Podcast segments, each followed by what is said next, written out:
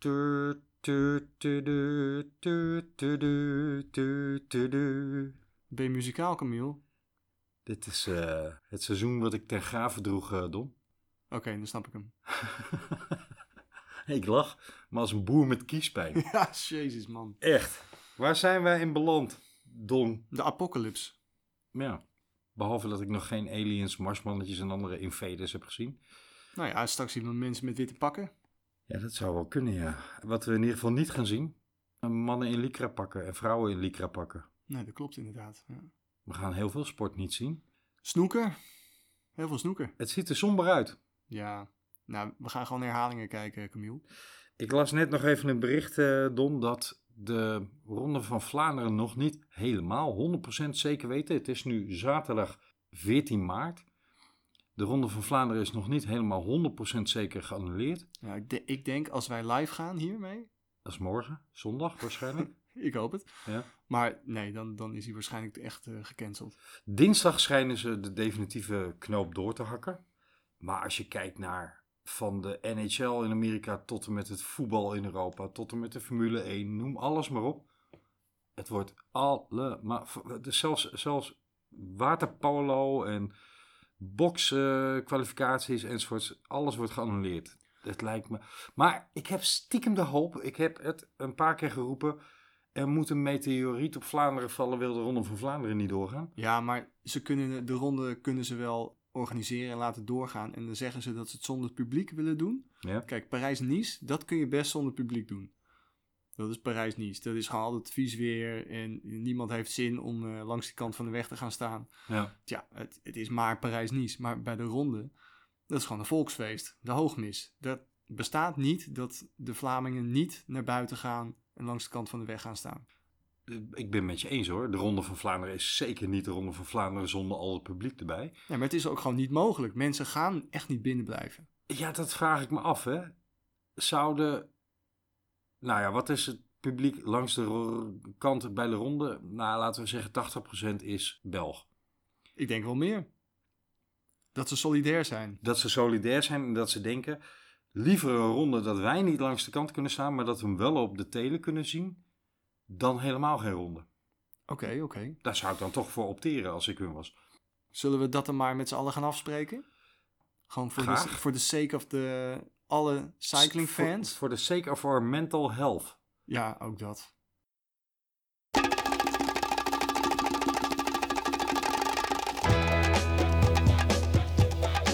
De Velofilie Podcast.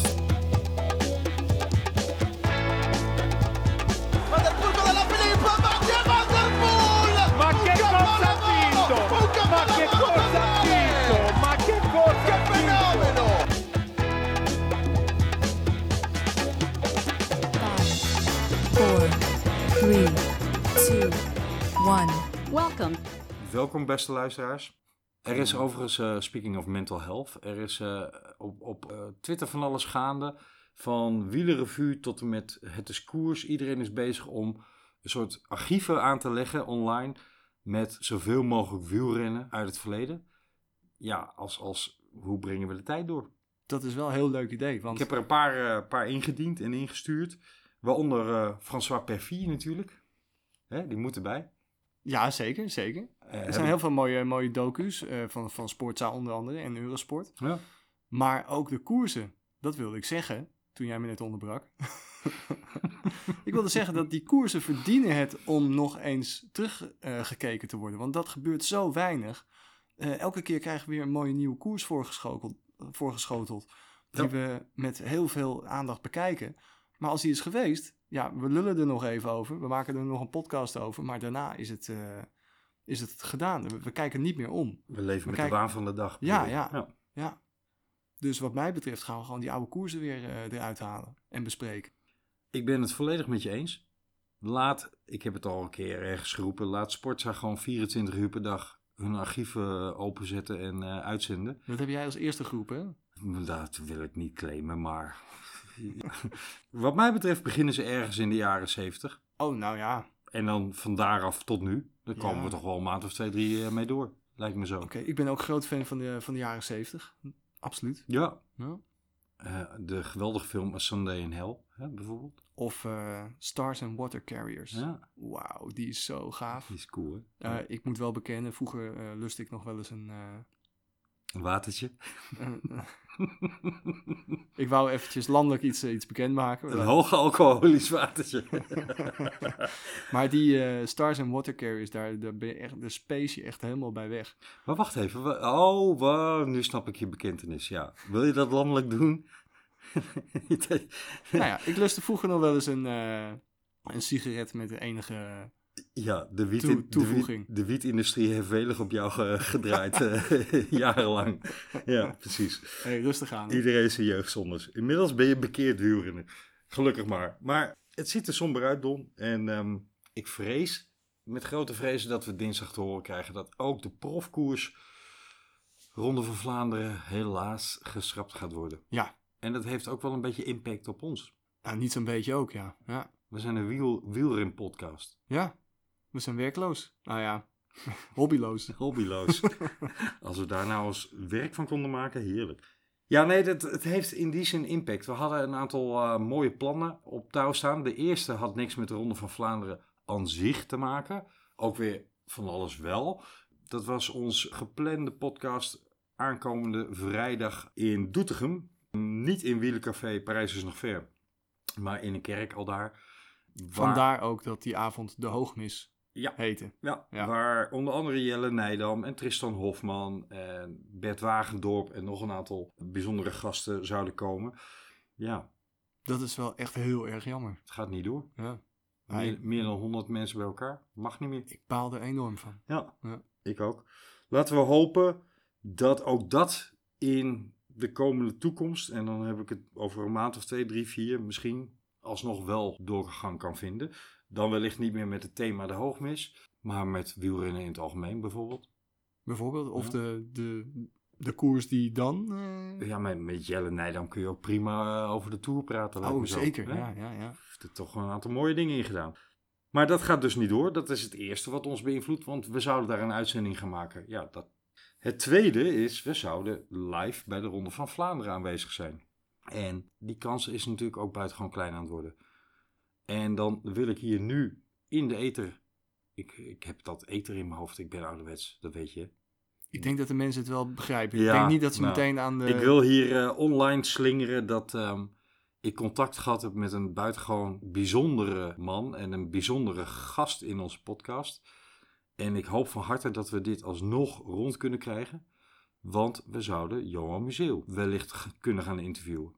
Ja, je hebt in ieder geval eh, telefonisch contact gehad met hem, hè? Ja, ik heb met hem gesproken. Dat heb je ook ehm, niet onder stoelen of banken gestoken, eh, zag ik. eh, ik, uiteraard niet. Nee, ik ben daar enigszins starstruck door. Dus ja, dat, het is toch niet elke dag dat je Ja, neem neem je telefoon handtekeningenboekje mee, Camille. Zeker weten.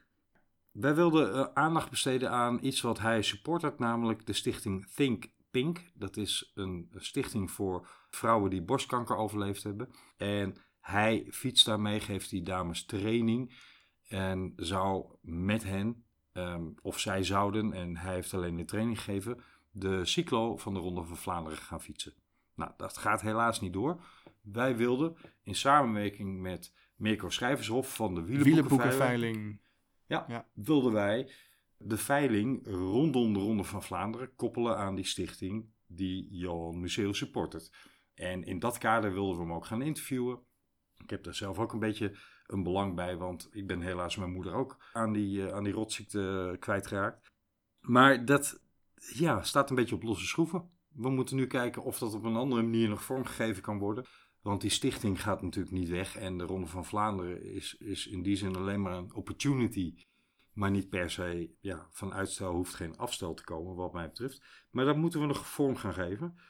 Het zit in ieder geval niet meer zo dicht in het vat als het leek te zijn op dit moment. Hopelijk kunnen, kunnen we daar nog een alternatief eh, voor gaan bedenken. Maar we gaan ook wel leuke dingen doen.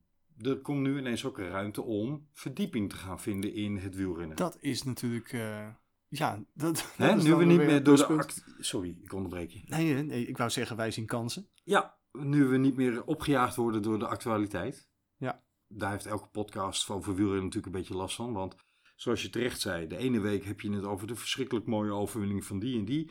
En de week daarna word je alweer ingehaald door de volgende koers en wat daar weer allemaal in gebeurt. En dat is natuurlijk ook het heerlijke van wielrennen. Het is, het is bijna een heel seizoen door met het veld en de baan en noem maar op. Maar je hebt soms ook wel even ja, een soort bezinningsmoment of zo. Dat kan ook heel goed zijn. Ja, het is alsof je zo'n eh, je hele huis vol hebt staan met boekenkasten waar allemaal prachtige boeken in staan die je allemaal één keer hebt gelezen of een keer half hebt gelezen Ja. of een keer de, de, de samenvatting van hebt gelezen. Maar je, je doet er nooit meer wat mee, maar het staat daar wel. Ik vind het nu al een mooie vergelijking. Dat schiet me namelijk even een, eh, een wisseling van eh, gedachten in onze appgroep eh, over... ehm, Over de wielenboekenveiling. nou, nee, over een, een van mijn favoriete boeken is De Slinger van Foucault van Umberto Eco. Ja. En in, eh, volgens mij was het notabene jouw vriendin die vroeg, heeft iemand nog goede boekentips? Want, ehm Nee, dit was dokter Anne. oh, was het dokter Anne, die vroeg, heeft iemand goede boekentips? Want ehm, ja, we hebben de komende tijd wat extra tijd. Nu er geen eh, wielrennen op de televisie is. En eh, ik gaf daaraan Slinger van Foucault. En dat, ehm, ja, die mening deelt niet iedereen met mij. Dat dat een fantastisch boek is. Sterker nog, ik geloof dat ik de grote uitzending eh, was. Ik zag wel een paar andere leuke... Maar die heb ik dus tien keer gelezen minimaal. Dus daarom moest ik Tien lachen. keer? Ja, echt. Ah, oké, Als het niet meer is.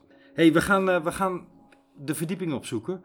En dat gaan we doen met een van de co-founders van de Beat Cycling Club. Edwin Gullix. Ja, En dat, daar kijk ik echt naar uit. Daar heb ik zin in.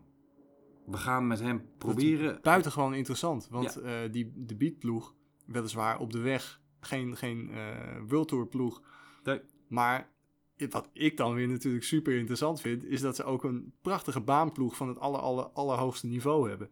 Ik, ik ben echt eh, heel benieuwd hoe, hoe dat wordt. Ja, ik ben enorm veel zin om met hem, met hem te spreken. Ik ook, want ze hebben wel degelijk heel grote ambities op de weg ook. Ze zijn nu eh, continentaal en willen pro-continentaal. En misschien wel daarna verder. Ze hebben er Da- wel de renners ervoor. Ja, ik bedoel, ze hebben een, een Jan-Willem van Schip natuurlijk, die ook op de weg, maar ook op de baan eh, inzetbaar is. Ze hebben onlangs, en dat was ook een van de dingen waar we het met Johan Museel over wilden gaan hebben. Ze hebben Stefano Museel getekend, hè, Ja. groot talent. We gaan het met Edwin Gullix over al dit soort dingen hebben. We gaan dat gewoon absoluut regelen, dat we daar op korte termijn een uitzending mee kunnen maken. En een van de onderdelen die daar zeker in aan de orde gaan komen, hij kan dat nog veel beter uitleggen dan ik, is wat die UCI-plannen voor het baanwielrennen nou precies voor impact gaan hebben. En ik, eh, ik laat hem daar graag over aan het woord. Dus dat gaan we zeker doen. Zullen we nu dan maar, ehm, nu we zeker weten dat hij eraan mee wil werken, ook vertellen welke geweldige Nederlandse wielrenner uit het voorjaar en uit eh, de grote rondes wij ook nog aan het woord willen gaan hebben in de podcast. En die heeft toegezegd dat hij eraan mee wil werken. Wat een omslachtige aankondiging dit, hè? Ja, eh, kon je het nog eh, verder rekken?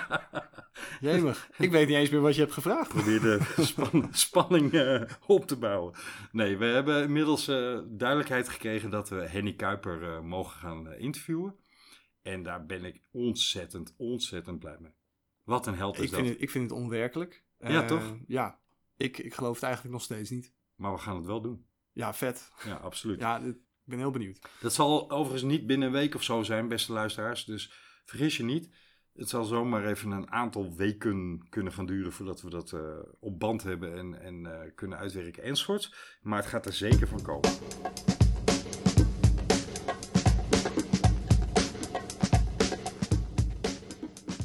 Tony, er was afgelopen week in een, in een surrealistische wereld waarin het nieuws elke dag escaleerde van 3000 besmettingen in Italië naar 6000, naar 8000, naar 17.000, Naar heel Noord-Italië in quarantaine. naar heel Italië in een lockdown. Ja.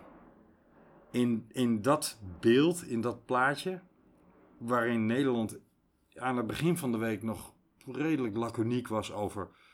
"Wauw, Het is maar een zat- griepje. Het is maar een griepje, het zat er allemaal Ja. wel meevallen. En laten we wel zijn, jij en ik hadden daar ook een paar weken geleden nog last van. hè? Nou, nou, van de griep bedoel je? Nou, nee, van Oh. dat laconieke. Oké, oké. Wacht Ja, nee, dat zeg jij, laconieke- nu, zeg jij nu tegen mij dat jij toen griep had? Nee, maar jij zegt een paar weken geleden. ja, eh, toen waren wij toch ook zo van, ja, maar dit- wat is nog dit? twee dagen geleden nog. Ja, nou, ik, ik loop al een week de elleboog in plaats van handjes te geven en dat soort dingen. Dus, oké. eh, Ik, maar- heb, ik heb die adviezen ook wel gerespecteerd. En Ja. ik heb ook heel veel mijn handen gewassen. Maar ik vond het wel overtrokken en zo. Want ik dacht ook, het gaat gewoon om een griepje. Maar ik heb me nu wel een beetje in verdiept waar het om gaat. En het is echt heel serieus. We zijn iets wijzer eh, inmiddels. Ja, ja. Maar Ik, ik hoop dat heel snel iedereen eh, wat wijzer wordt. Want ik heb vandaag een rondje gefietst. Of ik weet niet of dat heel naïef was van mij om te gaan doen. Of dat nee, ik, dat is juist heel goed. Want je bent in de buitenlucht. En dat virus heeft veel minder kans in de buitenlucht dan wanneer je Ja, binnen zit. Ja, oké, maar ik fietste ook onder andere door het centrum van Utrecht. Ik moet wel bekennen dat ik een beetje verdwaald was. Eh, maar het was daar druk op straat. Je, je had eigenlijk op de afsluitdijk willen zijn. Nou. nee, ja, ik, ik was wel een beetje verdwaald. Ik moet Sorry. toegeven, ik moest even mijn telefoon erbij pakken voor de Google Maps. Oké. Maar het was daar zo druk op straat, niet normaal. En ik zag nog een half uur geleden een appje van iemand die zei van... joh, ik, ik fiets nu door Utrecht heen en de kroegen zitten helemaal vol. Ja, En ik denk, joh, ja, het lijkt wel alsof het hele nieuws helemaal niet is doorgedrongen tot Utrecht. ik moet zeggen, er zijn, eh, ik fietste hier naartoe, hè, Amsterdam-West, over de Overtoom. En ik zag wel dat de kroegen aan de Overtoom in ieder geval op zijn best half vol zaten. Dus dat... dat Ja, het is, het is in Amsterdam best wel stil op Ja, straat. het is rustig. Gisteren fietste ik naar huis van het werk en ik dacht echt, eh, ik heb de spits gemist. Ja. Terwijl ik toch echt in de spits zat, qua Ja, tijd. ja, precies. Maar die was er dus gewoon niet. Dus het, de impact is blijkbaar landelijk nog verschillend. Toen, toen ik eh, gisteravond door de stad fietste, toen had ik eh, dat liedje in mijn hoofd, Ghost Town, ken ik niet. van de Specials. Ah, sorry. Ja, ken ik wel. Ja. Dat was echt helemaal uitgestorven op straat. Lekker nummer trouwens. Ja, dat is wel een beetje jouw genre, toch? Ik hou wel van een stukje eh, ska, absoluut. Waar ik naartoe wilde, wat betreft ehm, mijn verhaal over die impact en over het, het veranderende landschap deze week, is het feit dat in dat hele surrealistische, kantelende plaatje van, wauw, er is niet zoveel aan de hand, tot aan hamsterende mensen die, die met pakken vol toiletpapier naar huis gingen Zullen we enzovoort. daar niet meer over hebben? Nee, daar wil ik het ook niet over hebben. Maar los van dat het, dat het in mijn optiek echt ja, redelijk eh, op het randje van stupide is om dat te doen. Maar oké, het zou zomaar kunnen dat mijn woorden over een paar dagen ook ineens heel stupide klinken. Omdat we dan wel in een lockdown terechtgekomen zijn. Alles wat je hierover zegt, over COVID of corona of hoe je het ook wil noemen. Alles is eigenlijk per dag al bijna achterhaald. Maar in dat hele plaatje van er is niets veel aan de hand, startte afgelopen week Parijs-Nice. Ja, En op maandag, op maandag was dat nog met een startceremonie en publiek erbij en de hele reutemeteut zoals het altijd en gebruikelijk is. Ter onze vermaak, godzijdank. Ja. Maar eh, of dit goed, eh, goed idee was, wat betreft de verspreiding van het virus. Nou, nou, oké, daar gaan we het zo even over Nou, hebben. nou, laten we het gewoon niet maar meer over de het grap virus is dat je aan Parijs-Nice eigenlijk kon volgen hoe, hoe het nieuws over dit virus zich door Europa heen ontwikkelde deze week. Want op maandag was het nog business as usual. De dag erna was het al dat het selectiever was wat betreft de, de aantallen mensen die mochten, door de hekken mochten. En een dag later was het ineens zonder publiek. Ja, en eh gaandeweg vielen er steeds meer ploegen weg. Precies, dat was de volgende Ja, stap. eerst Dat waren een paar renners, renners, eh, zoals precies. ehm, gisteren nog Mats Pedersen, hè, die standtapeden naar huis moest omdat Denemarken in een lockdown ging wat betreft vliegtuigen die naar binnen mochten Hij enzovoort. werd teruggeroepen door eh, de Deense overheid. Nou ja, hij kreeg eigenlijk alleen maar de, de keus voorgelegd of je komt nu of je komt het land niet meer in. ja. Dus ja, hij moest wel. En zo zag je dat dat peloton aan het uitdunnen was door Parijs-Nice heen. En het werd met de dag meer de vraag, halen we de volgende etappe en wordt die überhaupt wel verreden? Nou, er is er eentje gecanceld. Er is er één gecanceld, Ja. namelijk eh Nice-Nice. Nou, gelukkig is hij, is hij, was hij al eerder gecanceld dan dat de laatste etappe was gefinished. Ja, Dus er was nog een spannende etappe vandaag. Bijzonder spannend. Maar met het onzekerder worden per dag of het door zou gaan, zag je ook dat in Noord-Italië het van Lombardije eigenlijk een steeds rodere vlek werd op de kaart. En, en ja, eigenlijk ging heel Noord-Italië op slot en daarna heel Italië. Het kwam steeds dichter bij Nice. En met het verder rijden van die renners van Parijs richting Nice, werd het eigenlijk met de dag onwerkelijker. En werd het met de dag, en je zag ook steeds meer mensen roepen, moet dit allemaal nog wel doorgaan? Heeft het allemaal nog wel zin? Waarom doen ze dit? Is, Ja. dit? is dit niet volkomen stupide om een wielerwedstrijd door te blijven zetten terwijl in Frankrijk de aantallen per dag omhoog gingen en omhoog schoten? En die zijn inmiddels ruim Duitsland gepasseerd, want die zitten dik over de 3000 gevallen. En in dat hele decor had er een koers plaats die als het ware, alsof ze voelden en wisten en aan zagen komen dat dit misschien wel eens de laatste koers in een hele lange tijd zou zijn, die alles in zich had. We- begonnen met een fantastische etappe. En excuseer luisteraars als ik woorden als fantastisch en zo gebruik, want het is misschien wel bijna ongepast in het hele decor van corona. Maar ik heb er stiekem en met misschien wel ook als, als laatste strohalm van hier kunnen we nog even van genieten, naar gekeken. We begonnen met die etappe waarin Ties Benoot en Alaphilippe een tussensprintje onderling betwisten. En toen dacht ik, nou laten we maar even doorfietsen. Toch? Ja, ja, ja zeker. Ja, wat, ja. een, wat een kopgroep was dat. Ja, dat is echt geweldig. Als je die in de straten had gehad, dan had iedereen eh, op de banken gestaan, Nou toch? ja, je, weet je, Parijs-Nice is nog nooit zo interessant geweest. eh, Omdat het natuurlijk volledig geïsoleerd was. Ja. Alle ogen waren, tenminste alle wieler minnende ogen waren gericht op Parijs-Nice. En Ja, ergens anders kon het ook niet heen zijn. ja, Dus, ja. en misschien is het wel elk jaar zo dat er prachtige waaien-etappes in zitten en alles wat erin gebeurt. Dus ja, Zeg jij eigenlijk dat mijn emoties misschien wel zo waren, omdat we wisten dat dit wel eens zo kon zijn? De laatste koers van het seizoen misschien wel, als we een beetje pech hebben? ja, Of- ik denk het wel. ja, nou ja, Ja. dat zou kunnen. Als je al je hartstocht erop focust. Ja, maar het was ook wel fantastisch. Want Benoot en Alaphilippe, die, die dachten we rijden door. En die pakten een seconde of 20, 30. Daar gebeurde van alles in het peloton. Warm Baguil, de Franse kampioen, die eh, keihard op zijn plaats stuiterde. Het was niet de eerste keer hè, dat hij eh, niet lekker stuurt. Nee, die wil nog wel eens vallen, ja. Ja. Ja, klopt. Maar die ehm, vervolgens, nou, ik denk dat het zeker een kwartier, misschien wel 20 minuten was, achter de auto steerde om terug te komen. En, en daarna Een Fransman in Frankrijk. Ja. Nou, Frans kampioen ja. in Frankrijk. ja in dat- Parijs-Nice. In een rit van de ASO, in een, in een koers van de ASO. Dat is een, situatie die Niels Eekhoff nooit zal overkomen. Nee. Maar, nou, niet gelukkig voor Niels Eekhoff, maar wel in de lijn van Niels Eekhoff. En wel tot mijn verrassing, werd Warren Bakiel gewoon uit koers gesmeten. Na afloop. Ja. Nou, dat gebeurde allemaal in de achtergrond. Dat dan weer wel. hè? Dat gebeurde in de achtergrond. En toen zag je op een gegeven moment naar Alaphilippe en Benoot toe rijden. Of vanuit de groep achter hen wegspringen. Schachman en Dylan Teuns. En ik zat echt bij, ik zat bij mezelf te denken. Het is alsof we hier naar Vlaanderen of zo aan het kijken zijn. Niet qua parcours, maar wel qua namen die hier aan het eh, acteren zijn. Die hier de show aan het maken zijn. Nou, er waren wel wat grote, eh, grote namen. Maar ik denk niet veel groter dan gebruikelijk bij Parijs, eh, Parijs-Nice. Nou, er reed wel, wel volgens mij wel, meer voorjaarsmannen echt rond hoor. Dan, eh, dan gebruikelijk. Ja, oké. dat, dat, dat, dat is wel zo, ja. Die etappe ontplooide zich in een mooi strijdje tussen Schachman, Alaphilippe, Benoot en Wacht Dylan even. Teuns. Terwijl we het lekker over de koers hebben, pak ik even een biertje erbij. Doe dat. Wil jij ook een? Ja, lekker.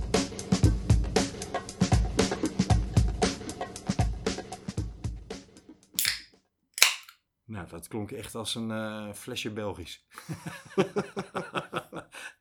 Zie- je houdt je vingers er wel overheen, maar er staat iets met 0.0 onder. Het is, het is behelpen, Camille.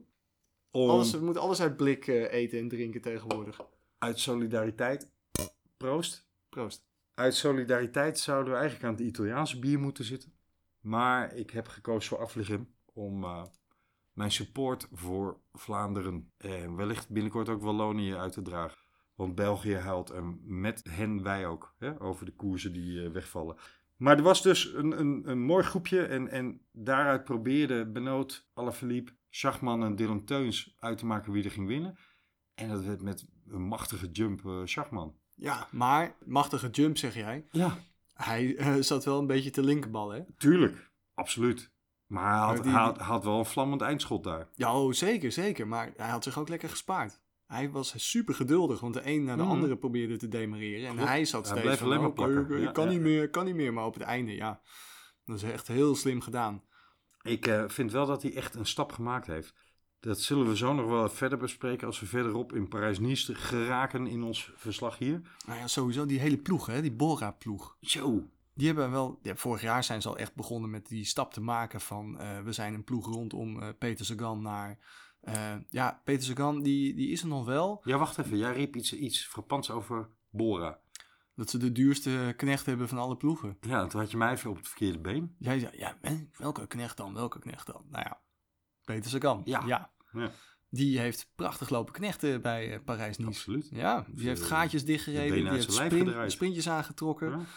Ja. fantastisch toch? ja. Ik vind het echt een mooie ploeg. En ik zei tegen jou... Verdient hij ook weer per jaar 6 miljoen, hè? Ja, zoiets. Ik weet, Pak ja, hem weet. ja, kniezoor. maar ik zei tegen jou, ja, waarom rijdt er niet, eigenlijk niet een Nederlander bij? Er zijn heel veel grote ploegen waar, waar ze ook wel een Nederlander hebben. Want die Nederlanders die reizen hard.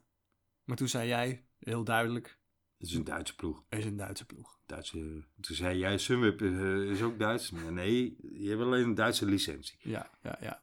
En de laatste Duitse ploeg die een Nederlander in dienst had, was Nicky Terpstra, denk ik. Of niet? bij Milram. Ja. Was dat een Duitse ploeg? ja. Oh, oké. Maar, is dat de laatste? Ja, ik vermoed van wel. Ik denk het ook, ja. Telecom hebben ze nooit een, eh, een Nederlander gehad. Nee. Nee, dat, het, het- andersom gebeurt vaker. Laten we het zo zeggen. Maar Bora is fantastisch bezig. En die, jij bedoelt eigenlijk, die worden met het jaar sterker. En terecht. Schachman heeft een stap ge- gezet, absoluut. Akkerman, vorig jaar. zeker. Akkerman, eh, top drie sprinters op dit moment, denk Ja, ik. ja. Ik vond Boegman ook wel sterk vorig jaar. Absoluut. Ik verwacht, als we überhaupt zoiets krijgen als een Tour de France. Volgens mij zou Boegman de Giro Laten we niet op de zaken vooruit lopen, Camille. Nou, je weet het niet, hè. Maar als we zoiets krijgen, dan verwacht ik Boegman zeker wel eh, daarin mee eh, te zien spelen. Ja, mooie ploeg, absoluut. En ook steeds beter in een ploegenspel. Ja, dat blijkt. Nou, Dat blijkt, want Ja. ze hebben de hele Parijs-Nice mooi gereden. We zijn pas bij de eerste etappe in onze review. tweede etappe was eh waaiers. Ja, super vet weer. Echt eh, v- voorjaarsklassieker eh ten top. Bij mij gaat dan op mijn telefoon zo pling. En dan eh, zie ik een Twitterbericht. En dan open ik het. Het is Thijs Zonneveld. Waaiers! En dan weet ik gewoon, oh, wacht even. Inschakelen die handel. Meteen kijken. Ja. Vuurwerk. Ik vond het eh, zeer opmerkelijk dat eh Pino, zijn, eh, zijn knecht, Stefan Kuhn, die eh, dacht eh, Pino even lekker uit de wind te houden. Maar hij reed hem gewoon uit het wiel, hè? Hij was- Hij reed hem vol in de wind. ja, nou, ja, dat ook weer niet. Hij zat wel lekker uit de wind, denk ik, Pino. Maar hij kon hem gewoon niet houden. Nee, daarom. Kuhn, Dus hij kwam vol in de wind. Ja, Kuhn is zo sterk. gaf even, eh, even de turbo jongens, hè. setje. Nee, weet je, het mooiste beeld uit die etappe, etappe 2, en misschien wel van het hele jaar, maar ook los van of het hele voorjaar wel gereden zou zijn, ik vond het zo'n fantastisch beeld om te zien. Ik heb hem ook op, eh, op Twitter gepost. Sergio Hikita, die daar gewoon Ja, als, Ja. als minuscuul mannetje tussen al die 80, 85 kilo jongens in Prachtig een waaier beeld, reed. ja. In de eerste waaier, hè? laten we wel zijn. Wij waren vorig jaar al, al ernstig bezig over Nairo Quintana, die heeft leren waaien. Maar Sergio Hikita daartussen, dat was echt voor mij, eh, ik vond het op het chockerend mooie af. En heel duidelijk te zien hoe die in het wiel kon, nauwelijks in het wiel kon blijven zitten, maar hoe Sepp van Marken hem echt op sleeptouw nam in die groep. En hem echt uit de wind probeerde te houden. hij viel ook wel extra op, hè, door die, eh, dat EF-pak Fantastisch toch? toch? Ja man, met het geweldige shirt wat hij aan En die had. kinderfiets. En die kinderfiets. Ja, dat is echt een, een maandje. Nou, dat is geen smol meer. Dan hebben ze nog een stukje afgezaagd. Ik denk eh, maatje 46. Ja, zoiets hè. Ja? En dan dat blije hoofd van hem. Maar wat een... een de- kijk, het, het, de, de grap bij waaierrijden is... Het werkt eigenlijk precies andersom van bergop rijden. Als je aan het waaierrijden bent, dan werkt je gewicht in je voordeel. Ja, zeker. Over het algemeen. Hè? Ik bedoel, je moet geen 110 kilo zijn, maar dat je boven de 70 bent, werkt dan in je voordeel. Waarom? Je kunt simpelweg meer nou, je, waait, geven, je waait meer niet vermogen waaien. Ook dat, maar je, je waait ook niet zomaar van je plek. Ook dat, je kunt, je kunt in het gedrang van zo'n waaier, want het is altijd enorm vechten om in zo'n waaier te komen. Want laten we wel zijn, een waaier is zo groot als de weg ongeveer breed is. En als jij nummer 15 bent, terwijl die weg 14 man bij elkaar in het wiel, naast elkaar, schuin achter elkaar kan hebben, dan ben je gewoon een sjaak. Ja, dat ben je gezien. Dan Ja. krijg je een peer van iemand en dan lig je uit die waaier. En Mhm. dan is het toedeledokie, zet je nieuwe maar op. Dus gewicht helpt daarin mee. Maar de, de wat zwaardere mannen kunnen ook gewoon simpelweg meer watts trappen. Zo simpel is het. Zeker, ja, duidelijk. Als je bergop gaat en je bent een licht mannetje. En je hebt als zeg maar je piekvermogen Eh, nou, dat moet ik anders zeggen. Als je je nog net anaerobe vermogen, zeg ik, maar, ik denk niet dat je het zo ingewikkeld hoeft uit te leggen. Gewoon Nou als je licht bent, dan ga je makkelijker omhoog. eh, omdat je minder kilo's hebt, maar nog steeds een redelijk hoog wattage kan trappen. Ja, wattage per kilo. Je wattage per kilo is in het voordeel als je bergop gaat met een laag gewicht. Maar als dat ook meteen zeg maar, je maximum vermogen is, op het moment dat je op het vlakke diezelfde wattages per kilo levert als bergop, dan ga je er minder hard mee dan die grotere mannen die meer wattage kunnen trappen. Lijkt me duidelijk, Amiel. Toch? Ja. Ja? Ik weet niet of dit helder was voor iedereen.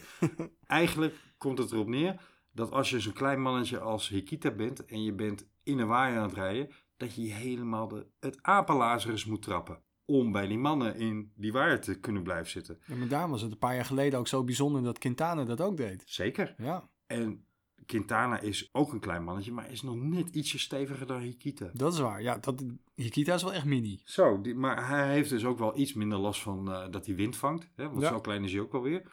Maar die heeft volgens mij een uur lang of langer echt zwaar in het rood moeten zitten Maar trappen. vergis je niet, die Hikita die is eh, bijzonder sterk. Want die heeft ook in de tijdrit, deze Parijs-Nice, heeft hij zeer goed gepresteerd. Vorig jaar hè, zijn wij over Hikita begonnen in in de podcast. Ja, hij viel heel erg op in de Vuelta. hè? Ja, en in het begin van dit jaar heb ik al gezegd, let maar op. Die gaat verder met wat, wat hij vorig jaar aan het doen was. Nou, dat liet hij hier absoluut zien. Hij wordt, eh, ik loop even vooruit op de einduitslag, maar hij wordt derde in het eindklassement. Perfect, keurig gedaan. Zeer verdienstelijk. Ja. Ja. Van het niveau, nou ga ik iets gevaarlijk zeggen, maar van het niveau Pogacar en net iets onder Evenepoel. Maar die, die gaan nog mooie duels met elkaar Nou, vergelijken met Evenepoel doen we nog even niet. Komt wel, komt wel. Oké. Maar niet, niet nu. Don, we gaan niet etappe voor etappe doen. Al zou je daar misschien eh, wel over denken. Hè? Nou Omdat ja. het tenslotte misschien wel de laatste koers van het seizoen was. maar ik wilde, ik wilde echt nog even specifiek. Omdat ook wij eigenlijk een beetje ons achter de oren moeten krabben. Ik wilde even specifiek terugkomen op de ene laatste etappe. Die Ties Benoot won. De bergetappe. Ja, Ja, Ten eerste omdat het een fantastische etappe was. Ten tweede omdat Sunweb daar zo magistraal, heel sterk. koerstactisch en ploegenspeltactisch Ja. reden. Oh jongens. Maar de, die, eh die Krach Andersen alleen al, hè? Van Sunweb. Die won eh, de, de, de tijdrit, Ja. Krach Andersen. Ja, Hij liet verrassing. wel zien dat hij heel sterk was. Maar in, in die zesde etappe, die bergetappe, was hij echt fantastisch in zijn, eh, in zijn ontsnapping. Benoot, supersterk eigenlijk al heel, de, hele, de hele koers. Ja. Alle dagen liet hij zich zien. Het mooie is, op de, in de uitslag zie je ook dat Benoot, die won hem. En tweede werd Michael Matthews. Ja, dat was een dubbel eh, slagje Niet normaal. Dus echt, deze prijs niet was echt de wederopstanding van, van... Sunweb. van nou ja, ze zijn het hele seizoen al bezig. Ik ja, ja, hele seizoen. Ja. dat, dat klinkt best absurd hè, als je 14 maart zit. maar eigenlijk reviewen we nu al terug op het seizoen. Ja, erg hè? Ja. Maar nee, dat- maar dat, het klopt wat je zegt. Ja. Nou. Ze, ze zijn al sterk vanaf, eh, vanaf Australië. Maar niet alleen de wederopstanding van Sunweb, deze Parijs-Nice, maar ook van Quintana. Absoluut. En we hadden het in onze voorbespreking ehm, heel kort er even over. Ja, ik kwam tot het besef dat Quintana, nu die los is van Mobistar, eindelijk weer kan, eh, kan shinen. Ik wist het niet. Want Ik, ja, ik luister niet naar alle podcasts, zoals jij. jij zegt dat het in menig podcast al is besproken, maar Ja, ik kwam vandaag pas tot het besef, iemand wees mij erop. Die had naar de, de, de Krotcast geluisterd van Maarten Ducro. ja, zeker aan te raden. Maar hij zei, ja, hij, hij was gesponsord door Columbia Mobistar. En die sponsorde met heel nee, veel geld. hij was in dienst zelfs. In dienst zelfs? Ja, hij werd betaald door Mobistar Colombia. Oké, nou, maar die betaalde dus die ploeg Ja. zoveel geld om hem overal maar te laten starten. Ja. Dit is de hele verklaring waarom ze met die idiote tridenten overal aan de start kwamen. Met, met Landa en met eh, Valverde. Nou, ik, ik, ik, ik, snap wat je zegt. Jij zegt eigenlijk, Mobistar is een Spaanse ploeg en die wilde helemaal geen Colombiaanse Nee, kopman. maar, die maar wilde bracht gewoon wel heel veel geld binnen. Maar die bracht geld binnen en dus moest hij overal als een soort van medekopman dan maar aan Ja, maar ze hadden verder wel, eh, als het ware, een hekel aan hem. En een, eh, ja, gaven hem dermate weinig eh, Ja, dat- aandacht en faciliteiten dat hij ook niet kon excelleren meer. is volgens mij niet vanaf het begin zo geweest hoor. Want hij werd tweede in de Tour bij zijn debuut bij Mobistar. Ja, ja, en hij won, Hij de Vuelta. De Vuelta. En hij heeft de Giro nog een keer gewonnen. Dus dat was zeker niet, ja, hoe zeg je dat? Het was zeker niet dat hij een ondergeschikte rol ten opzichte van Valverde... Nou nee, moet ik anders zeggen. Valverde is de absolute dominantie en de, de stabiele lijn in die ploeg. Al vanaf dat het Kestepanje was. Hè? Ja, ja. Dus de- dat Valverde zo'n beetje bepaalt wie de waarheid en opgesteld wordt en welke tactiek ze daar dan ook nog gaan rijden enzovoort. Dat is wel best evident. Unzue mag daar op papier de ploegbaas zijn. Dat is hij ook wel. Maar Valverde is op zijn minste rechterhand of zijn luitenant op de weg. Zo niet de feitelijke baas van die ploeg. Hij wint ook wel heel veel. Hoewel heel weinig grote rondes. Hè? Maar toch, ik vind het zo opvallend. Dat ze, ja, hij hing er altijd een beetje bij als een appendix. Oh als, een, als, een blinde darm. Nou, wat in die krotcast heel, heel mooi naar voren kwam. Ik weet niet of het was de uitzending die Maarten de Kroo maakte over het Colombiaanse wielrennen. Of het volledige gesprek met de Nederlandse ambassadeur in Colombia. Want dat was ook een hele leuke uitzending om te luisteren. Maar in een van de twee kwam aan de orde hoe groot Quintana in Colombia is. Dat hij daar echt bijna vereerd wordt. Lucio Herrera status en postuur, misschien wel meer nog. Maar dat hij uit plichtsgetrouwheid en uit, uit ja, loyaliteit naar dat Mobistar Colombia heeft gezegd: Ik dien mijn contract uit. Ook al ben ik eigenlijk al een paar jaar aan het wegkwijnen en verpieteren. Ja, Maar hij heeft gezegd: Ik wil dat niet verbreken. Dat is niet mijn aard. Dat is niet Colombiaans. Dat is niet netjes ten opzichte van Mobistar Colombia. nou ja, Maar eh, je gelukkig ziet, voor... Je ziet een volledig andere Quintana rijden. Ja joh, gelukkig voor, lacht. voor Colombia dat hij nu bij een Franse ploeg notabene rijdt. De, de ploegen waar iedereen meestal juist wegkwijnt. Omdat ze niet meer als een monnik leven. Alleen maar vet eten en wijn zuipen. Chocola in de ploegbus. Ja. Oh nee, dat was Mobistar. Was dat Mobistar? Ja, dat was nou ja. Mobistar. Eh, in ieder geval niet heel gezond als een monnik leven. Zoals je dat als wielrenner normaal gesproken misschien wel behoort te doen. Mm, om te kunnen ja. excelleren. Mhm. Ja, ik, ik vind het fantastisch om te zien. Die- ik denk dat die man echt niks anders meer nodig had dan het loskomen van de ketenen die Mobistar op het laatst voor hem waren. Ja. Maar de- het was ook de afgelopen jaren. Niet iedereen was heel positief over Quintana. Mhm. Maar nu, Wij ook niet, toch? nee, eigenlijk, eigenlijk ook niet. Nee, maar we- ja, hij hing er altijd een beetje bij. eh, en, eh, ja, hij reed wel en hij viel af en toe aan, maar ook niet genoeg. En nooit meer met de power die hij in het begin had. nee, precies. Maar ja, we keken er een beetje op neer van waarom reed hij in de Kon wel waaien rijden, hè? want wij zeiden gekscherend de afgelopen... Nou ja, dat was voor, eind vorig jaar dat Nairo Quintana over twee jaar waarschijnlijk een man van het voorjaar zou worden. Maar dat, dat, ook dat, dat draagt bij aan zijn cultstatus. Ja, maar hij, hij lijkt zich nu wel weer volledig te manifesteren als een kandidaat winnaar van de Tour de France. Of dat, zou nog, nog meer bijdragen aan de cultstatus die die, die die heeft. En ik denk als wij over 30 jaar terugkijken op deze periode van wielrennen, Mhm. of over 40 jaar, zoals wij nu terugkijken op de jaren de 70, als je het hebt over Baha Montes, de adelaar van Toledo, dan misschien over 40 jaar hebben we het wel over Quintana. De adelaar van Toledo. Ja, ik zocht al even naar zijn bijnaam, ja. Maar, misschien moeten we die eh, ter plekke even gaan verzinnen. Nou, over bijnamen gesproken, maar dat dwaal ik even af. Maar er was van de week een vraag of Hikita Monster wel Hikita Monster moest blijven voor Sergio Hikita. Het is nou niet echt dat je zegt, Een monster, een heel, nou, het is geen aantrekkelijke bijnaam. Hikita Monster. Hikita Monster. Hmm, nee. Superman Lopez, ja, dat snap ik nog. Maar Hikita Monster, nou, moh. maar goed. Ik weet eigenlijk niet wat de bijnaam van eh Nairo Quintana is. Maar Zullen het we, is, we gaan, gaan we opzoeken? Dat gaan we opzoeken. Zo belangrijk is het nou ook weer niet, hè. Het Maar het is, evident, het is evident dat hij, eh, dat hij het klaarblijkelijk verschrikkelijk goed naar zijn zin heeft. Hij wordt eh, goed in die ploeg ontvangen. Hij heeft ook gezegd, verbaal, hoe welkom hij eh, daar is en hoe hij op zijn gemak is in die ploeg. Ondanks dat hij eigenlijk in dezelfde soort ploeg zit met een Franse kampioen in het midden, waar de hele ploeg omheen is ge- opgebouwd. Mhm. Bedoel je Warren Barguil mee natuurlijk. Ja, ja. Ja, maar die gaat toch bij lange na niet de statuur hebben van een eh, Quintana. Nee, Dus het is Warren wel- Barguil is wel een beetje een... eh, Kijk, War- je moet het eigenlijk zo zien. Warren Barguil is een beetje de Veuclair van het wielrennen. Hij is dat ticket om binnen te komen in die A-koersen, zoals de Giro, de Tour. Met name de Tour natuurlijk. En eventueel de Vuelta. Maar Quintana is toch gewoon de absolute kopman. Hè? Dat, is de- dat is zelfs voor Arkea wel duidelijk volgens mij. zeker, ja. Nee, oké, zijn we het daarover eens. Quintana won vandaag de laatste etappe.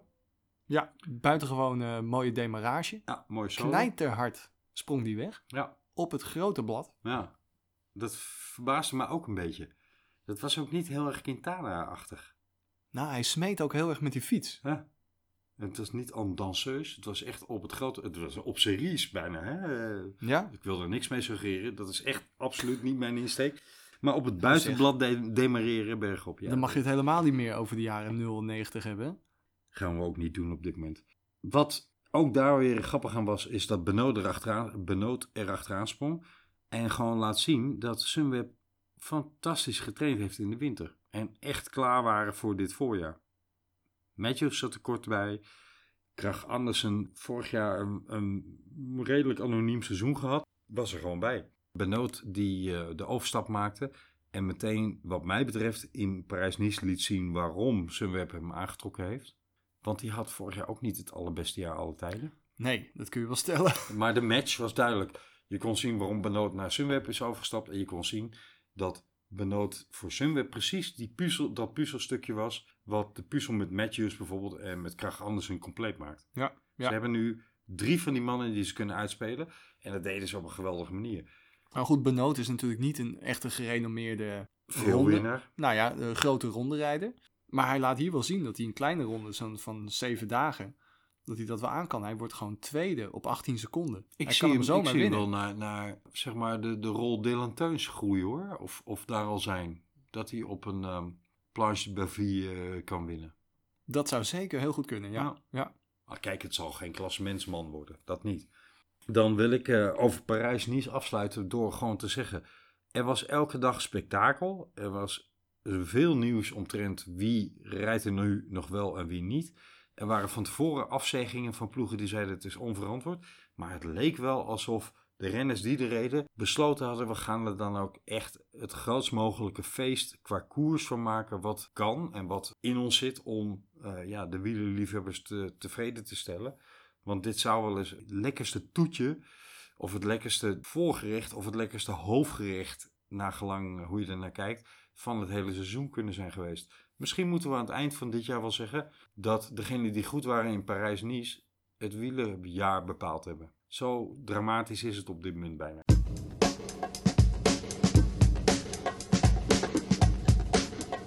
Dat Sunweb het nu zo lekker doet. En eh, ja, onder- andere Benoot, waar die, ze misschien een ronde renner in hebben. Ja, Dumoulin die zal achter zijn oren krabben.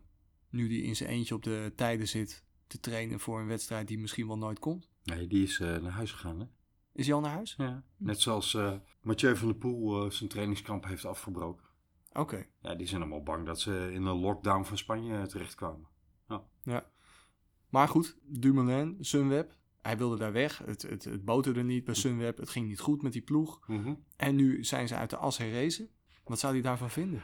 Ik denk dat het een samenhangt met het ander. Je denkt dat ze beter zijn gaan rijden omdat hij weg is? Nee, dat zou een gewaagde stelling zijn, maar die poneer ik niet. Nee, ik poneer dat het feit dat ze een meer eenduidige focus weer terug hebben. Want het, wij hebben de kritiek op gehad, iedereen heeft de kritiek op gehad. Het was een beetje het verschoven van sprintersploeg, voorjaarsploeg, sprinters schuine streep voorjaarsploeg, naar een grote ronde ploeg. Maar zonder dat daar de personele bezetting heel erg op ingesteld Ja, dat bedoel, was duidelijk. Ja, Laurens ten Dam reed er, met alle respect voor Laurens ten Dam. Fantastisch wegkaptein. Maar geen man die in de laatste... Geen 25 eerste luitenant. Nee, geen die bij de laatste 25 nog kopwerk kon doen. Want daar was hij er al af. Ja. En zo had die ploeg zeg maar de focus verlegd zonder daar de personele bezetting heel erg... Nou ja, wij vonden dat allemaal als wielerfans te weinig afgestemd. Ondertussen reed Matthews daar voor het voorjaar.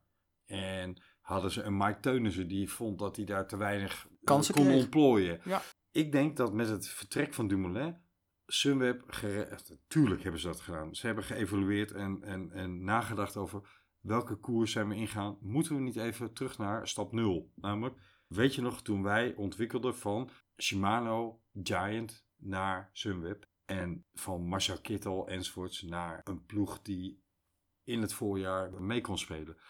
Die stap hebben ze nu eigenlijk weer terug. Ze zijn als het ware weer her, voorjaarsploeg. nou ja, ze zijn eigenlijk terug bij wat ze, wat ze, waar ze altijd goed in waren. Oké, ja, fair enough. Dus ik vraag me niet af, dit ligt niet aan het feit dat Dumoulin vertrokken is. Eh, ja, het li- daar ligt het wel aan, maar niet omdat hij daar een belemmerende factor in was, maar omdat ze waarschijnlijk gewoon hun focus weer terug hebben gelegd bij waar ze altijd goed in waren. Of het slecht is voor Dumoulin, want ik weet niet of je dat ook impliceerde, maar ik denk het niet. Ik denk niet dat Dumoulin zich achter de oren krabt en denkt, Was ik nou maar gebleven? ja, had ik in die ploeg willen rondrijden? Nee, want Dumoulin heeft er al niks met het voorjaar. Die rijdt voor de gein als het ware luik Bastenaken luik. Oké, nou is die stelling ook eh teniet gedaan. Nou ja, tenzij, eh, corrigeer mij als ik dat verkeerd zie. Nee, nee, nee. Ik, ik ben het eh, ja, eigenlijk met je eens. Hm. Voor het eerst. Maar Teunissen Niet voor het eerst. reed, een redelijk sterke omloop. Hè? En, en, en waren er meer koersen geweest, dan hadden we kunnen zien wat hij dit voorjaar had kunnen doen. Dumoulin, ja, die man die moet wel ongelukkig zijn. Nou, ik denk tussen Mike Teunis en Dumoulin, ik denk dat Mike Teunis het meest ongelukkig is. Nee, dat denk ik niet. Ik, snap wat jij bedoelt. Jij bedoelt, Mark Teunissen heeft de ballen uit zijn broek getraind om, om een stap Nu te goed te zetten. zijn, ja. ja, een stap te zetten naar nog weer een beter voorjaar dan vorig jaar. En ik denk dat je daar gelijk in hebt. Die zal absoluut niet happy thuis zitten van nou, een beetje extra vrije tijd. Nee, die had zich willen manifesteren. Zo'n eerzuchtig type is het. Positief bedoeld. Nee, wat ik bedoel met Dumoulin is, die, die zal absoluut ongelukkig zijn. Niet thuis, want ik denk dat Dumoulin een type is die enorm goed kan relativeren. En die ook enorm goed kan zeggen, als dit de omstandigheden zijn, dan heb ik daarmee te dealen. Klaar. Maar die man is nu al sinds mei vorig jaar niet meer in koers geweest. Niet helemaal waar. Hij heeft de Dauphiné vijf dagen of zo gekoerst nog. Ja, maar, ja, niet, Maar niet, eh, maar op niet de op een toppen van zijn kunnen. Nee, precies. Dus eigenlijk op vijf dagen redelijk op de fiets gezeten te hebben in de Dauphiné, heeft hij bijna, bijna een jaar niet gekoerst. Als er nou iemand verlangt om dat rugnummer op te spelden en eindelijk weer eens die competitie te ervaren, dan is het wel Tom Dumoulin. Daar kwam dan, in december heeft hij heel goed getraind. Hij zei, ik haalde waardes die absoluut perfect waren. En toen kwam die, die parasieten tussendoor, waardoor zijn retour in een peloton uitgesteld moest worden. En wat gebeurt er dan vervolgens als ze eindelijk het leek boven hebben over waarom hij even niet zo heel prima zijn vel zat in de maand januari en hij weer op trainingskamp gaat? Het hele jaar zo'n beetje staat op losse schroeven. Het is maar de vraag, gaan we überhaupt een Tour de France krijgen?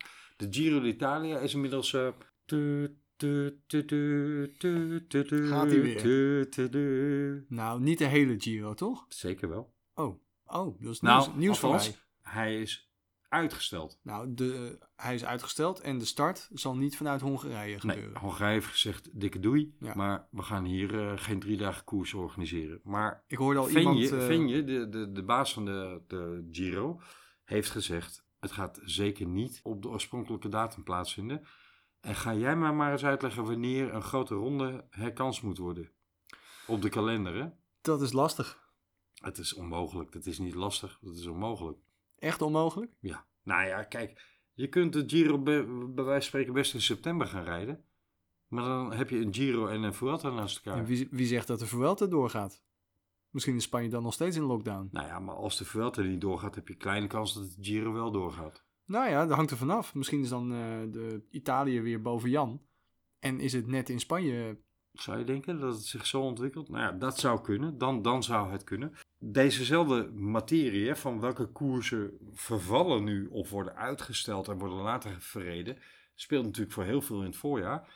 Er is al volop gespeculeerd over ja, eh Strade Bianchi en misschien wel Milaan Sanremo rondom Lombardije Ja, dus verweven. eind september, begin oktober. Ja, dat zou wel prachtig zijn. Nou ja, dat wat jij opteerde voor dat Italiaanse najaar... Mhm. om dat echt, echt eh, groot eh, de den te geven... Maar niet met, met Milaan Sanremo hoor. Milaan Sanremo is de voorjaarskoers, dus La Primavera. ja oké. Dat bedoelde ik er niet mee te zeggen en ook niet permanent. Maar er is wel vaker gebeurd dat een koers zwaar verplaatst is Zeker. op een kalender. De Vuelta. De Vuelta vroeger. En is er van opgebloeid. Ja, dat, dat, precies dat. Ja. Dus waarom niet? Over La Primavera gesproken. Nou ja, en opbloeien. eens. Snap, Eens. snap je dat? Ja, eens. Ja, ja kijk, eh, ik hink een beetje op twee benen in deze. Ik ben traditionalist genoeg en wielrenner genoeg om zwaar te hechten aan tradities. En om te zeggen, blijf met je poten van Ja, maar jij bent, koers wel, af. jij bent inderdaad wel echt van de oude stempel. Dank je. En tegelijkertijd ben ik vernieuwend genoeg om te zeggen dat het een schande is dat Velon de Hammer Series de nek heeft, eh, om eh, heeft moeten draaien. Zelf, want ze konden eigenlijk niet meer bolwerken tegen de UCI. Dus ik, zeg, ik hink op die twee gedachten. Ik ben en van de vernieuwing, van de cameraatjes in het peloton... en van andere koersen. Denk erover na op een ander moment. Maar ik ben ook van de traditie in de zin van... ja, La Primavera niet in het voorjaar? Hmm, dat ja, ik vind dat moeilijk. Maar Strade Bianchi zou kunnen. Ik, wa- wat, Nou ja, wat ik bedoel is, er zijn wel een aantal koersen die je kan verplaatsen op de kalender. Het Om- klimaat verandert ook, hè? Je bedoelt dat het voorjaar vanzelf in het najaar wordt. Precies. en, dan gaan we Mathieu van der Poel en Wout van Aert ergens in juni het veldrijden zien doen. ja, en tegen die tijd liggen we allemaal in het zwembad tv te kijken omdat Nederland onder water staat. Alle gekheid op een stokje. Ik bedoelde mee te zeggen, er valt natuurlijk best wat te schrijven, maar hoe ga je vredesnaam 21 etappes in een kalender proppen? Ja, dat kan niet. Ja, dat wordt een issue. Dit, eh, ja. Ik vrees dat het van uitstel per definitie afstel is voor de Giro. Oké, maar nogmaals, ik wil niet op die zaken vooruitlopen. Laten we weer andere dingen bespreken. Mensen, als je nou zoekt naar, als je toch over oude stempel hebt, een koers om te kijken op YouTube of waar dan ook, omdat je je te pletten verveelt, omdat er geen voorjaarskoers enzovoorts verreden worden. Kijk dan even naar de Giro d'Italia Eddy Merckx. Volgens mij was het 1976 uit mijn hoofd. Nee, 1974 volgens mij. Het Welke was, Giro bedoel jij? Het was de Double Giro Tour dat jaar, 1974. En Oh ja. dat was het meest magistrale jaar van Eddy Merckx. Allemachtig wat hield die man thuis in dat jaar. Maar de Giro van dat jaar was ook zo prachtig. Kijk dat terug op YouTube. Het zal echt, als je het niet kent, het zal je genoegen zijn om het terug te zien. Zou jij die linkjes even op Twitter eh, kunnen plaatsen? Ik ben een gekke Henkie niet. Nee? Nee joh, dan... eh, ja, natuurlijk wil ik dat op Twitter plaatsen. Jongen, jongen. Zeg. Alles om onze koersvrienden, de velofilisten, te genoegen in dit, eh, ja, toch wel... eh, Velofilisten. velofilisten. Wauw. Toch wel het zwarte gat waar we in beland zijn.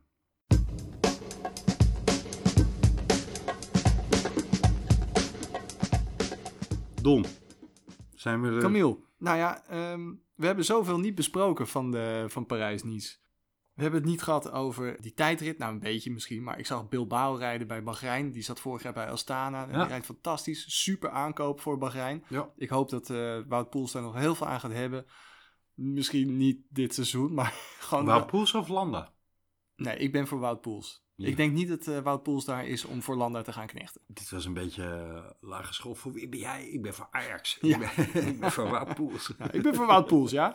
Eh, de, die crash van Hofstetter met Ewan, dat Hofstetter met zijn stuur bleef hangen in de fiets van Ewan. Ik heb nog nooit zo'n crash gezien. Die, Hofstetter werd als een soort... Je bedoelt het gekwak, want dat, dat lag er aan de grondslag. Het Nee, gekwak van Bennett. Dat gekwak gebeurt heel vaak. Maar Ah. dat iemand zo blijft hangen met zijn stuur en als een soort boedelbak achter een fiets werd aangesleept op zijn kont over dat asfalt, heb ik nog nooit gezien. Nee, ik ook niet. Eh, ik wilde het nog hebben over de fietsen van, van Quickstep en van Bora. Die prachtige S-Works Shift fiets. Die ziet er echt heel vet uit. U is enigszins bevooroordeeld. Een beetje. Maar Askreen die heeft ook zo'n stuurtje. Volgens mij kost zo'n stuurtje alleen al 8000 piek. Mag ik je heel, heel kort onderbreken? Want je noemt de Keuning Quickstep. Hebben we het helemaal niet over gehad, hè? Nee, maar dat was ook wel... Daar was aanleiding voor, want die hebben volledig misgegrepen in Parijs-Nice. Nou ja, je zag, jij hebt gezien Mhm. hoe de Gent à la Philippe losreed. Ja, uit, Uit het, het wiel. wiel. Volledig. Bergop. Ja. Terwijl, hoe dan? What- what's going on? Normaal gesproken zou je zeggen, nee, never. Nou, de Thomas de Gent is een hele, hele sterke coureur. Derde geworden in de Giro. Ja, Kan, maar kan echt wel een stukje Alain klimmen. Philippe heeft vorig jaar bijna de Tour gewonnen. Ja. What's going on? Ja, nou ja, nou, niet zozeer what's going on hoor. Dat gaat me te ver. Maar ze hadden gewoon pech, dubbel pech. En tegelijkertijd zat het ook niet mee in. Ze reden eigenlijk de hele koers achter de feiten aan. Ja. Nou goed, dat, wilde, ik- dat is ook een punt wat ik wilde bespreken. Mhm. Hoe eh, de Gent daar eh Alain Philippe losreed. Magistraal. Ik wilde het hebben over eh, dat die Fransen in één keer weer wat, wat etappes winnen. Time-out. Want je roept het en, en ik vind dat we nog iets meer een lans moeten breken. Tom, als dit dan toch de laatste koers van het seizoen was, hè, dan was het... Hij won niet, helaas. Hij werd teruggepakt. Maar dan was het toch evident dat Thomas de Gent in dat overzicht van het wielenjaar, als dat dan Parijs-Nice is, hè, Ja, ja, ja. dan, dan, dat kan niet ontbreken dat Thomas de Gent de solo heeft. En gelukkig, die zat er dus in. Res- resulteerde niet in overwinning. Nee, helaas. Maar ik, ik, word, ik word... We nemen wederom onze petten vooraf. Ik wilde ook nog eventjes stilstaan bij eh, Michael Woods. Die heel, heel zwaar gevallen is. Die heeft zijn dijbeen gebroken. Ja. Je zag hem liggen en het zag er zo slecht uit. Het zag er echt eng uit. Weet je wat ik ben gaan opzoeken nadat ik die valpartij zag? Nou? Ik zat beeld zonder geluid te kijken. En hij bleef in eerste instantie heel stil liggen. Ja. Ik heb op pauze gedrukt. Een opname. Ik heb op pauze gedrukt. Het eerste wat ik heb opgezocht was de reactie van Erik Breukink in de Tour. Toen Fabio Cassatelli eh, het leven verloor. Oh, jezus. En Breukink over de finish kwam en in zijn roze onze shirt en een microfoon onder zijn neus geduwd kreeg. Met de vraag, heb je gehoord dat Cassatelli overleden is? Dat het allereerste wat me te binnen schoot. Toen ik Woods daar zag liggen. Dat is wel heel erg cru. Het was ook misschien wat overtrokken. Want eh, achter, eh, als ik niet meteen op dat moment op pauze had gedrukt. Dan had ik hem een paar seconden later zien bewegen. En dan had je gezien dat hij probeerde zijn onderlichaam stil te houden. Misschien moest hij wel, ik weet het niet. Maar, maar hij, hij richtte zich wel op, zeg maar. Maar in eerste instantie, hetzelfde gevoel had ik bij Van Vleuten in Rio toen ze viel. Oh man, De, de eerste drie, vier seconden dat je Ja. denkt, oh jezus. dat zag er ook niet? verschrikkelijk uit. Ja. Ja. Ja. ja. Koude rillingen over je rug. Maar die arme Michael Woods, Ja. die, die ploeg van hem, EF, waar ik niet altijd positief over ben geweest, die laat zich dit seizoen eigenlijk ook wel weer zien als een ploeg die zich eh, opricht. Maar Michael Woods was natuurlijk hun grote man. Ja. En ik had eigenlijk verwacht dat hij dit jaar dus ook nog beter zou zijn. Maar dat gaat niet gebeuren. Als je dijbeen breekt, dan ben je er wel eventjes uit, hè? Ja, die, ehm, als, hij, als, als er een Vuelta komt en als hij mazzel heeft, is hij richting de Vuelta misschien weer eh, op orde aan het komen. Ja. Ja, in diezelfde etappe ging, eh, heb je Tratnik zien, Ja, wel symbolisch zien sterven. ja. Zijn eh, poging, Jan Tratnik. Jan Tratnik, van Bahrein. Hij heeft toch ook nog wel eens eh, top 10 gereden in de Giro, hè? dat wel zo? wat hoor, ja zeker. Of eh, werd hij twintigste? Nee, die kan wel wat. Weet je wie me ook heel erg opviel, maar die had ik ook in mijn eh Scorito pool opgenomen? Niels Pollitt. En wat ik ook nog wilde bespreken was Nibali in een nieuw shirtje. Mhm. Dat vond ik ook wel weer leuk om te zien. En hij liet zich zien in de etappen met waaiers en in de bergen. Hij heeft zich echt, eh, echt getoond in zijn Trek Segafredo shirt. Hm. Vond ik leuk. Verder? Nee, niet heel veel. Oh ja. Oh man. Laatste, laatste dingetje. Ehm, Je kijkt me verlekkerd aan. ja, nee, dat ligt vast niet aan mij. het gaat wel weer over een crash, maar de crash van Schachman. Die, Oh. die knalde in een afdaling. De Vroom, eh, de Vroomie die die deed. Noemde jij dat een Vroomie? Ja. Nou, hij ging rechtdoor tegen de muur. Ja, Maar Schachman deed het wel echt In heel bijzonder. Ja. Hij deed in een bocht en hij knalde door die bocht. Maar hij viel niet. Nee, Zijn fiets eh, die vloog een aantal meters verder. en hij stond rechtop. Hij stond rechtop, gewoon Ja. op zijn voeten. Ja, maar laten we wel zijn. Hij eh, dat was een, een linksdoordraaiende bocht. En hij had een te hoge snelheid. Nou, en hij niet alleen, een aantal renners voor hem ook. Ja, ja. Wat, wat er gebeurde is dat hij eigenlijk de bocht uitschoof. Maar hij schoof tegen een huis aan. Dus in wezen, hij kon niet verder. Die fiets ook niet. Die fiets is er blijkbaar vandoor Ja. Camille, kom op. Het was, Tuurlijk, gewoon, het tuurlijk. was bijzonder knap je- dat hij bleef staan. Ja, absoluut. Dat vond ik echt vet. Om te, het deed me een beetje denken aan die, eh, die tijdrit van Egan Bernal met zijn tijdritfiets. Dat hij- dat Zwitserland hij- toen. Ja, dat hij wegslipte met zijn achterwiel en die bocht gewoon eigenlijk perfect nam. Dat hij gewoon aan het driften was. Ja, ik snap waarom het je eraan doet denken, ja. Egan van Al bleef op de fiets zitten. dat Ja, oké, dat oké. was bij Schachman toch niet het geval. Ja, maar het, het ging mis, maar niet helemaal mis. Want hij was zo snel weer bij zijn fiets en kon weer verder rijden. Maar dat, dat leidt wel tot de discussie, eh, Don. Hij heeft, omdat hij binnen drie kilometer dit meemaakte, heeft hij dezelfde eindtijd gekregen als de winnaar. Dat is wel zo. Echter had Het is hij, nood. hij had hem net niet nodig volgens mij. Want hij was binnen, hij had minder dan 18 seconden verloren. Maar als die niet dezelfde eindtijd had gehad en vandaag Dat verloor, bedoel ik dus, als hij niet diezelfde eind had, dan had, had hij, had hij op een paar milliseconden na gewonnen, geloof ik. Ja, nu. dat is maar prachtig? maar het het leidt tot de vraag, wanneer mag je, wanneer geldt die, die drie kilometer regel? Hè? In Volgens principe, mij alleen als het pech is buiten jouw doen om. Nou, ook dat, maar ook eigenlijk alleen in sprintetappes, toch? Mm, Ja, al weet ik niet of die regel zo specifiek daarop toe gespitst is. Het is een beetje dezelfde kip-en-ei discussie als mag je steren achter een auto na een valpartij. Ik vind drie eh, kilometer regel geldt alleen als er een hele stapel coureurs op elkaar ligt omdat er een hond oversteekt of een supporter eh, te ver uitsteekt. Of, Of je wordt aangereden door een motaar. of je wordt aangereden door een motor, wat voor externe reden dan ook. Maar als jij zelf een stuurfout maakt, een, of een inschattingsfout, en dat is wat Schachman overkwam, niet alleen hem hoor, maar in ieder geval hem ook, namelijk die bocht gewoon met de hoge snelheid nemen, dat is, dat is je eigen Ja, schuine heb streep je- onkunde. Heb je helemaal gelijk in. En ik vind dat die Tenminste, drie ik. kilometer regel dan absoluut niet van toepassing is. Nee, maar daarom vind ik het ook zo fijn dat hij uiteindelijk toch wel had gewonnen. Ook zonder die eh, compensatie. Ja, oké, eens. Ja. Overigens, eh, wat we helemaal onbenoemd laten, maar wat wel absoluut een applausje waard is. Schachman is pas de tiende coureur die van start tot finish. Parijs-Nice wint of een grote ronde? Nee, Parijs-Nice grote ronde. Parijs-Nice aangevoerd heeft. Dus Oh, vanaf de allereerste etappe in het geel gereden heeft. Er Ik zijn er maar tien die dat voor hem hebben. Dat vind ik nog veel. Tien. Nou ja, eh, het zijn grote namen hoor. Van Kneteman eh, tot volgens mij Hino. Eh, nou, het is echt een heel fabuleus rijtje. Misschien wel een hele fabuleuze coureur. Wie weet, in wording. Zijn we er doorheen, Don? Nou ja, ik kan vast nog wel meer eh, dingen bedenken. Zoals eh, dat, eh, die, die finish van de zevende etappe. Er was geen publiek bij. Deed mij heel erg denken aan de Tour of California. Ja, of de Tour de Oman. Of, de Ster ZLM. nou Ja, ja. noem het maar op. Nee, maar dat, het leek echt een beetje... Het, was ook, het zonnetje scheen, dus het leek echt een beetje op de Tour of California. Ja, dat was het grappige van Parijs-Nice ook nog. Het startte in de stromende regen en het eindigde in een prachtig voorjaarszonnetje. En het zag er optisch in ieder geval heel, heel licht en vrolijk en hè, typisch de, de koers naar de zon. Dat is Parijs-Nice. Maar daar waar de koers steeds lichter van kleur werd, in de zin van er ging meer zon schijnen en je zag die re- coureurs in korte mouwtjes gaan rijden in plaats van met armstukken en beenstukken. Daar werd het om de koers heen steeds donkerder.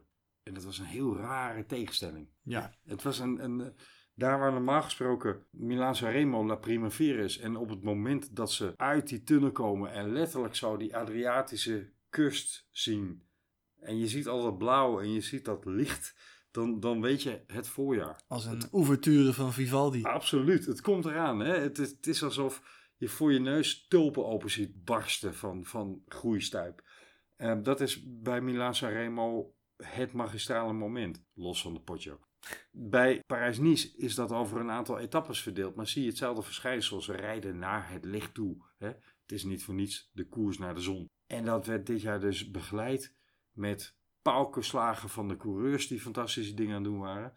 En ondertussen met strijkers in mineur van alles wat er omheen aan het gebeuren was. En wat aan het verdwijnen was. Het publiek. Ik zag de openingsceremonie. s ochtends zon, met een heel groot plein. Zonder dat er ook maar iemand te bekennen was. En er werden coureurs aangekondigd.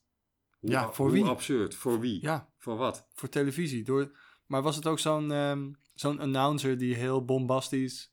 Nou ja, dat is het in het Frans natuurlijk al snel. Maar los daarvan. Ja, ja. oké, oké. Ja. De, de, de vraag of deze koers doorgang had moeten vinden, hebben we links laten liggen. Zullen we het heel kort doen? Wat vind jij? Moeilijk?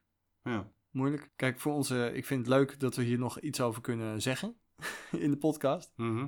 Daar zou ik bij zijn. Maar met de kennis van nu zeg ik eh, eigenlijk nee. Eergisteren had ik gezegd, tuurlijk. Tuurlijk had het door moeten gaan. Maar met wat ik nu weet, denk ik, beter niet. Nee. Het seizoen zit er voorlopig op, Don. We zijn eh, een paar maanden in lockdown. Het is eh, ook voor ons even de vraag hoe we de komende tijd gaan eh, doorbrengen wat betreft onze podcast. We gaan in ieder geval Henny Kuiper proberen te regelen. We gaan Johan Museel proberen te regelen. Er komt nog een andere topper aan waar ik eh, contact mee gelegd heb en waar we hopelijk een uitzending mee kunnen doen. We gaan het zeker over beat cycling hebben met Edwin Gullix. Als luisteraars nou nog suggesties hebben, Dan mogen ze natuurlijk even een mailtje sturen. naar velofiliepodcast.gmail.com doe dat vooral. Want ook wij zitten met de handen in het haar, beste mensen. Hoe komen we de komende tijd door? Komt genoeg leuks aan hoor. We gaan echt nog wel uitzendingen maken. Maar eh, als jullie daar een tip voor hebben, stuur die vooral naar ons op. Het mag ook op Twitter, velofilie. Doe onze lol en plaats een recensie op Apple Podcast, want dan worden we beter gevonden als podcast. En we zien dat het aantal volgers op Spotify en noem maar op alsmaar toeneemt. Het aantal luisteraars neemt toe, daar zijn we heel blij mee. En we hopen dat dat nog meer kan plaatsvinden als mensen ons kunnen vinden. En dat een van de dingen die dat beïnvloedt is gewoon hoeveel recensies krijg je. Dus het is echt voor onze podcast van belang, van essentieel belang wil ik bijna zeggen, dat je een recensie plaatst. Of in ieder geval een rating geeft. We zouden je zeer erkentelijk zijn. Zo erkentelijk dat we er een liquide prijsje op zetten. Iets vloeibaars, iets te drinken. Voor de leukste reacties die eh, we tegenkomen. Don, een van de dingen die ik fantastisch vind in deze koersloze dagen die eh, voor ons liggen, is dat er een soort saamhorigheidsgevoel ontstaat. En Het is Koers deed een oproep op Twitter om een soort spel te doen. Ze schreven: Dit wordt een mooi spelletje. Voorspellen wie de niet verreden klassiekers had gewonnen. Kom erop met jullie virtuele winnaars. En dan gaan we afsluiten met eh, mijn bijdrage daaraan. Als Strade verreden zou zijn, was het gewis en waarachtig een gevalletje overmacht van Astana geweest. Rood gloeiend. Zelfs Jacob zou uit pure bewondering de pet van Michel hebben afgenomen en opgegeten. Prachtige winnaar in Lutsenko, van aard op 5 minuten derde. Milan Sanremo, wat een monumentaal duel was dat zeg. Die jump van Sagan was mooi, de overname door Mathieu mooier en de geslepenheid en ervaring van Gilbert simpelweg briljant. Maar hoe Teuns daar op de meet nog overheen kwam, vergeten we natuurlijk nooit meer. De een dood. De wijze waarop Remco de Grote in Luik won, was net zo imponerend als die van Annemiek van Vleuten. De duels tussen Van Vleuten en Blaak net zo memorabel als de winst van Hikita in Amstel. De grootste verrassing in het voorjaar? De winst van Tim Melier in Nokeren of die van Simmons in Wevelgem? Hoogtepunt van het voorjaar? De meningen zijn verdeeld, maar het duel tussen Van der Poel en Jasper Stuyven is er nu al één voor de eeuwigheid. Dat Clark op de Paterberg in de Ronde van Vlaanderen mee kon, schitterend. En er is nog nooit zo lang op een fotofinish gestudeerd. Na drie uur stond Stuyven op één. Hoe Mathieu vervolgens alles, maar dan ook echt iedereen op een hoop reed in Parijs-Roubaix, kan alleen door zijn nipteverlies in Vlaanderen verklaard worden. Impressionant, al dus Nicky, Jasper, Craig, Adrie, Dylan, Mike en de hele redactie van Sportza. Ja, dat Kom. is toch het, dat is het, voor, het voorjaar in de notendop, eh Camille. Kom maar door, beste luisteraars. Schrijf ze op Twitter. Gooi ze eronder de tweet van eh, het, is koers. De hashtag, ja. het is koers. En dan, eh, dan komt hij er vanzelf ook wel naar terecht. En overigens ze zijn ook op zoek naar tips over wat kun je nou kijken. Wat kun je terugkijken? Wat zijn mooie koersen? Of wat zijn mooie documentaires om terug te kijken? Gooi die ook maar in de groep. Alsjeblieft, want we hebben het nodig. Don, ik vond het fijn nog even tegenover elkaar te zitten. Insgelijks. De eerstvolgende zal zeer waarschijnlijk die zijn met Edwin Gullix. Van Als jij niet in quarantaine zit tegen die tijd. Als ik niet in quarantaine zit, want het komt wel dichtbij. Je weet maar nooit. Inmiddels is een vriend van een vriend van mij opgenomen op de intensive care. Dus ja, met corona Het kan snel gaan. kan het zomaar gebeuren. Beste mensen, blijf gezond. Dat vooropgesteld. Hou jezelf en je naasten in de gaten en blijf gezond. En vermijd, als het mogelijk is, sociaal contact in de zin van grote bijeenkomsten enzovoort. Het is niet verstandig. Echt niet. Moshpits. Nou, dat. Ga vooral geen eh, lockdown feestjes vieren en dat soort rare toestanden. Laten we hopen dat we over een eh, maand of twee, of misschien wel korter, weer tegenover elkaar zitten en zeggen: Zo, we kunnen weer verder, mensen. Dat zou heel leuk zijn. Maar je hoort de vertwijfeling in mijn stem. Hè? Ja, ja. Niemand Maar weet het. laten we het in ieder geval proberen. Don, Laten We we, proosten. op de koers in het algemeen. Vive le velo. En hasta la próxima. Ves.